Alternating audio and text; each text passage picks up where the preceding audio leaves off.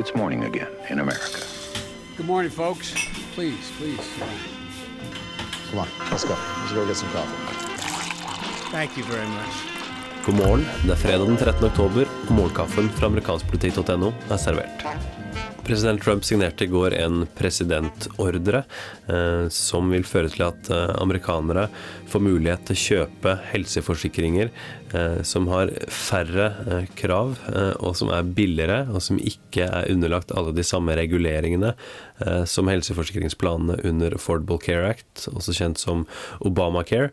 Um, og Konsekvensen av dette vil jo da være en, en undergraving av uh, helseforsikringsmarkedet i Obamacare. Um, I det sunne mennesker får mulighet til å kjøpe billigere planer, så er det mange som vil gjøre det, uh, med den konsekvens at da forsikringspremiene i de eksisterende planene i Obamacare vil kunne gå opp. Og senere på dagen så tok president Trump enda et steg i retning av å undergrave Affordable Care Act. Idet Trump-administrasjonen da kunngjorde at de planlegger å kutte subsidier til forsikringsselskaper som selger helseforsikringsplaner under Affordable Care Act. Og disse subsidiene var på rundt 7 milliarder dollar i år. Å kutte disse vil da være det mest aggressive steget Trump-administrasjonen har tatt for å undergrave Affordable Care Act. Og dersom ikke Kongressen går inn og garanterer eh, for disse subsidiene, eh, så vil det være mange eh, forsikringsselskaper som kommer til å øke eh, helseforsikringspremiene eh, sine. Noen kan komme til å forlate helseforsikringsmarkedet i Affordable Care Act, og noen kan altså komme til å saksøke Trump-administrasjonen for å holde tilbake betalinger som loven sier de skal motta. USAs utenriksdepartement sa torsdag at de ønsker å trekke seg ut av Unesco ved slutten av 2018. USA sluttet å betale avgiftene til Unesco i 2011 som en protest mot organisasjonens opptak av Palestina som et fullverdig medlem.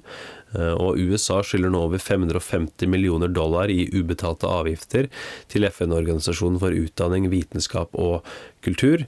Tjenestemenn ved Utenriksdepartementet sier at de håper avgjørelsen sender et sterkt signal om nødvendigheten for en UNESCO-reform, og USA har de senere årene anklaget UNESCO for å være Israel-fiendtlig, og har kritisert flere resolusjoner som refererer til Israel som en okkuperende statsmakt. Den humanitære krisen i Puerto Rico fortsetter, samtidig som Trump kritiserer lokale myndigheter via Twitter. Han gjorde det igjen i går, da han bl.a. sa at redningsmannskapene ikke kan bli i Puerto Rico for evig, på tross av hva han tidligere har sagt.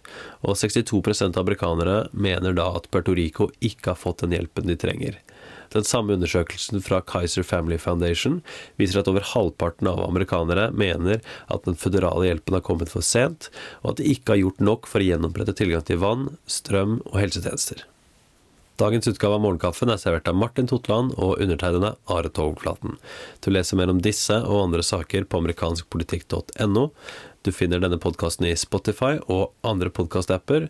Helt til slutt i dag så skal vi høre et utdrag fra stabssjef John Kellys pressekonferanse i Det hvite hus i går.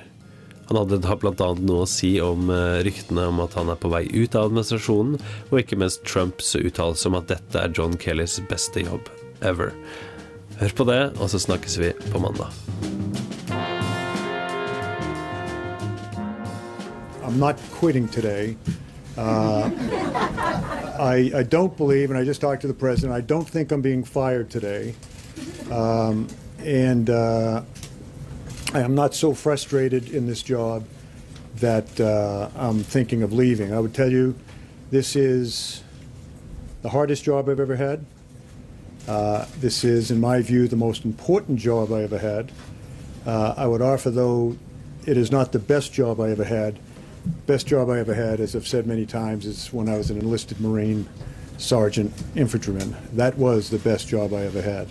So, uh, unless things change, I'm not um, quitting, I'm not getting fired, and uh, I don't think I'll fire anyone tomorrow.